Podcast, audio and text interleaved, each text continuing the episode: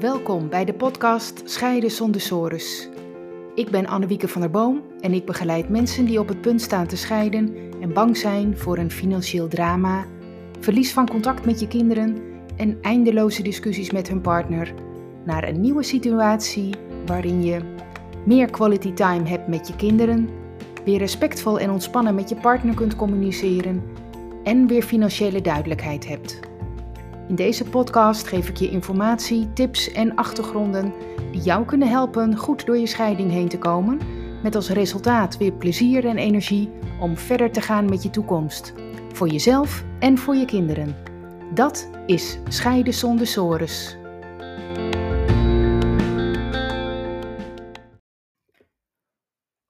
Hoe loop jij de marathon als je nog nooit hebt hardgelopen?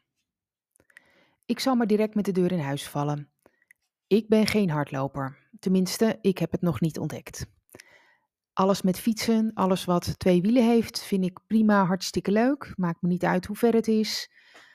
Alles met wandelen ook hartstikke leuk. Alles met watersporten ook prima. Heel erg leuk.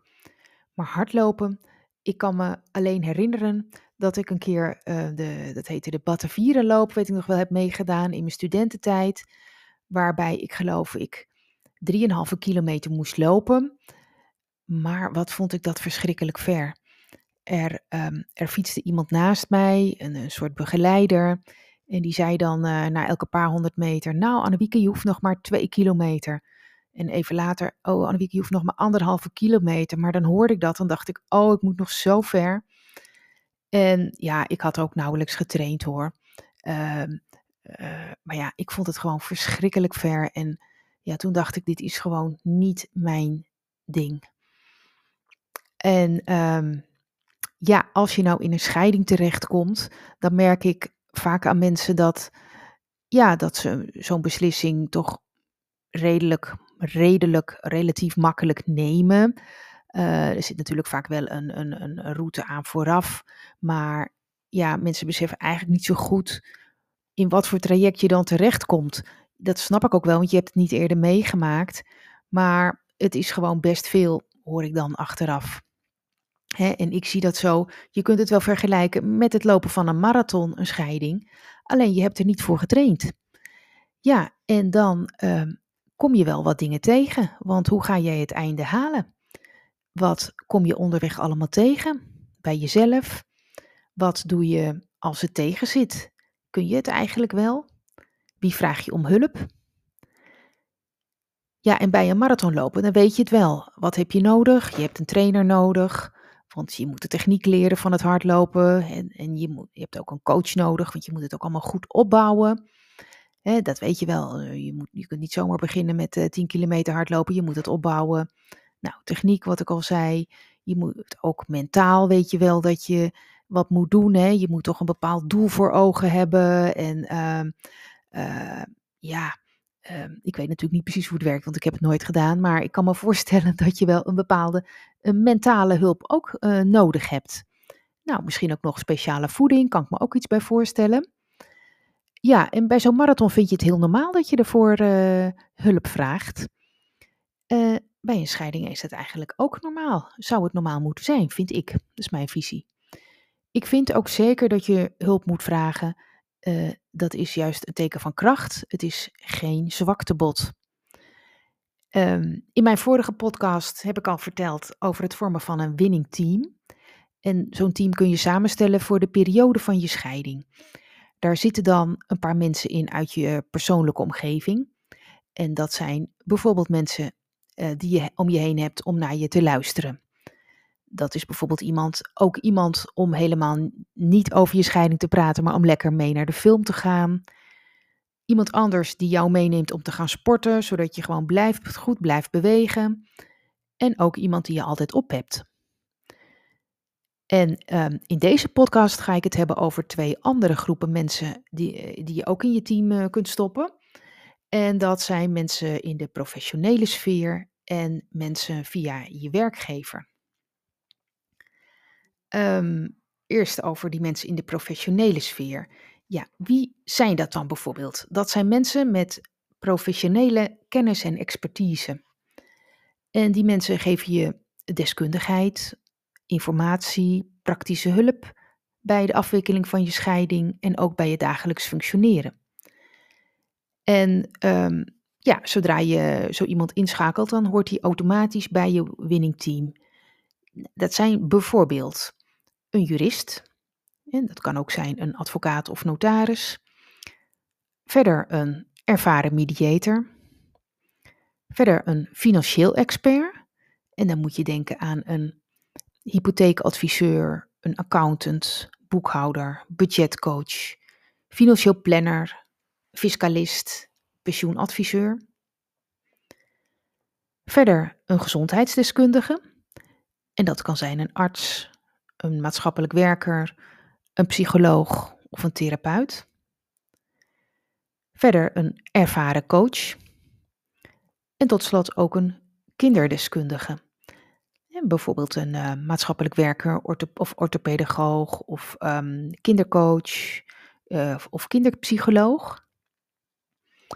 En um, ja, wat, wat is er nou belangrijk bij die hulp? Um, het, het kan echt cruciaal zijn voor het goed verloop van je scheiding en het uh, op de rit zetten van jezelf en je leven. Hè? Maar je kunt het niet bij die mensen neerleggen, want jij bent zelf altijd verantwoordelijk voor je scheiding. Ook voor je werkwijze en de voortgang. En die verantwoordelijkheid kun je niet afschuiven op, op deze professionals. En je bent ook niet afhankelijk van je hulpverlener. En over die um, verantwoordelijkheid ga ik nog even wat verder in, want dat is best een belangrijk onderdeel bij je scheiding. Hè, um, kijk, je bent zelf voor altijd voor 100% verantwoordelijk voor je leven, voor je keuzes, voor, je, voor dat wat je doet, voor je overtuigingen, ook voor jouw reacties. Hè, dat is allemaal jouw eigen zaak. En um, niemand anders neemt die verantwoordelijkheid voor jouw leven en jouw scheiding van je over. En door die verantwoordelijkheid zelf te nemen, ben je niet meer een deel van het probleem, maar word je ook de oplossing. En het fijne daarvan is dat je voor het maken van positieve stappen niet afhankelijk bent van derden, zoals je ex-partner of een mediator of een advocaat of je ouders of familie. Ook al denk je soms van wel. Jij bent autonoom en je kunt elke dag weer zelf blijven nadenken en doen wat goed is voor jou. Um, ja, dus dat zijn eigenlijk de, uh, de teamleden in, je professionele, in, in de professionele sfeer. Je hoeft ze natuurlijk niet allemaal te hebben, maar het is goed om bij jezelf te kijken, wat heb ik nodig? En dan ook per persoon kijken, wat heb ik van die persoon exact nodig? En de tweede groep, dat is uh, de groep die hoort bij de teamleden via je werkgever. Als je um, werk hebt, ja, of je nou in loondienst bent, en dus natuurlijk hetzelfde als je zelfstandig bent, alleen zelfstandig moet je alles gewoon zelf regelen. Uh, maar als je in loondienst bent, dan um, ja, zul je merken dat het tijdens je scheiding ook best lastig is om je werk helemaal uh, zo goed te doen als anders. je, je zult merken dat je concentratie wat afneemt of dat je je gedachten gewoon ook veel naar, naar je, naar je privé situatie gaan. Of dat je misschien soms ook gewoon moe en uitgeput bent en dat je op je werk gewoon ja, niet helemaal fit bent zoals, um, zoals anders. Um, dus het is best lastig om dat dan uh, te combineren. Um, in ieder geval goed om erbij stil te staan dat het gewoon wel invloed op elkaar heeft.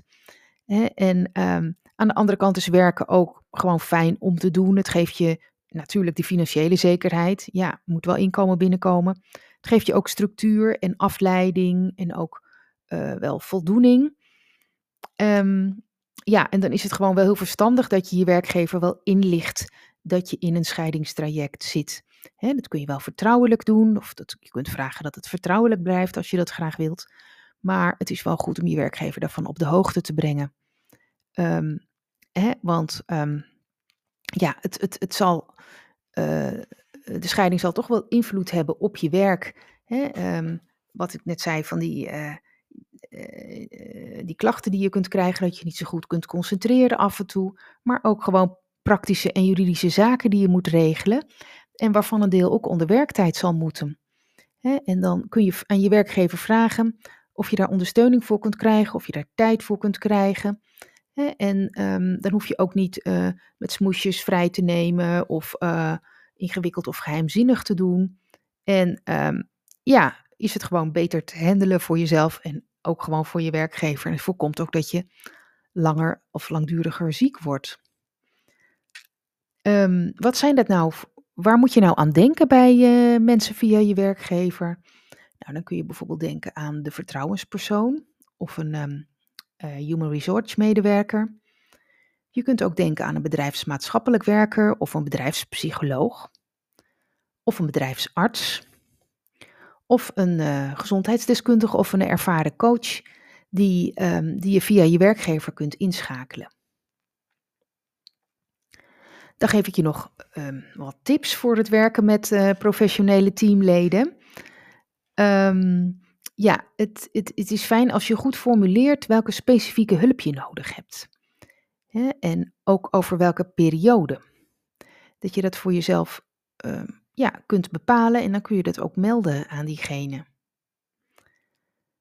Verder ja, kun je niet van mensen, uh, van professionele mensen verwachten dat ze dag uh, en nacht voor je klaarstaan. Hè? Ze willen je graag helpen, maar ja, ze hebben meer klanten om te helpen meestal en het is voor hun ook gewoon werk. En het is ook goed om hun te vertellen waar je moeite mee hebt. Hè, um, dan kun je ook voorkomen dat je een uh, kant-en-klare oplossing krijgt aangeboden. Hè, want je wilt het liefst um, um, uh, dat je echt goede persoonlijke adviezen krijgt die voor jou uh, goed gelden. En hoe beter jij aangeeft wat je nodig hebt, hoe betere hulp je ook krijgt. En als laatste ook belangrijk, maak afspraken over de kosten van de professional. Vraag van tevoren wat het kost per uur of een totaalbedrag, whatever. Maar dat je gewoon weet waar je aan, aan toe bent. Uh, professionals werken eigenlijk nooit uh, gratis, maar dat is ook niet erg. Uh, als ze goed zijn, moet je er gewoon voor betalen. Is echt de moeite.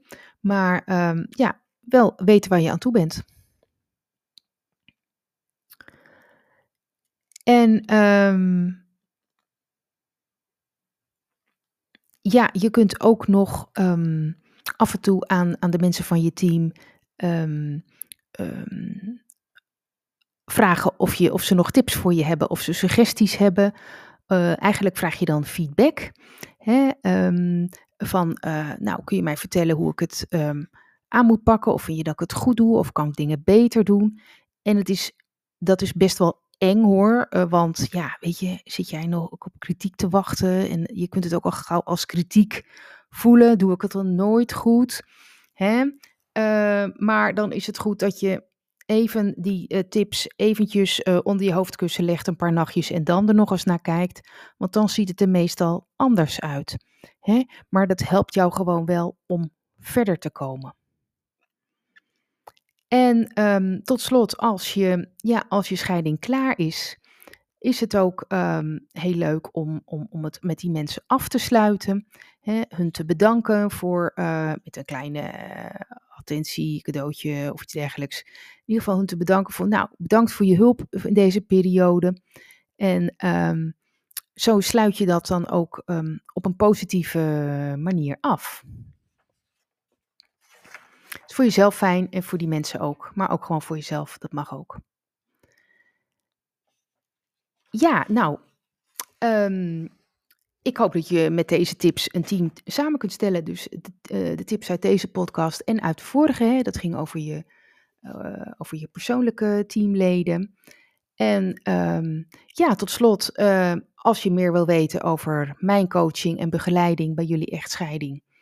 Um, want je, omdat het je heel misschien aanspreekt, uh, of je gewoon er nieuwsgierig naar bent, plan even een uh, persoonlijk adviesgesprek met mij in. Dat is gratis. En uh, daarna weet je wat je mogelijkheden zijn en kun je je eigen keuzes maken. En zo'n afspraak kun je maken via mijn website. Dat is annewiekebemiddeld.nl. En je vindt de link ook in de show notes bij deze podcastaflevering. Bedankt voor het luisteren en ik zou zeggen tot de volgende aflevering.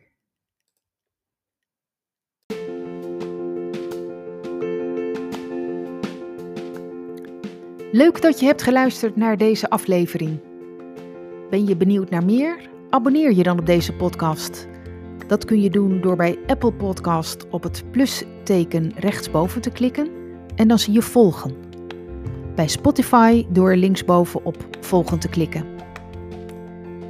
Wil je meer weten over mijn full service mediation? Bekijk dan mijn gratis video, waarvoor je je kunt aanmelden via mijn website annewiekebemiddeld.nl. Tot de volgende aflevering.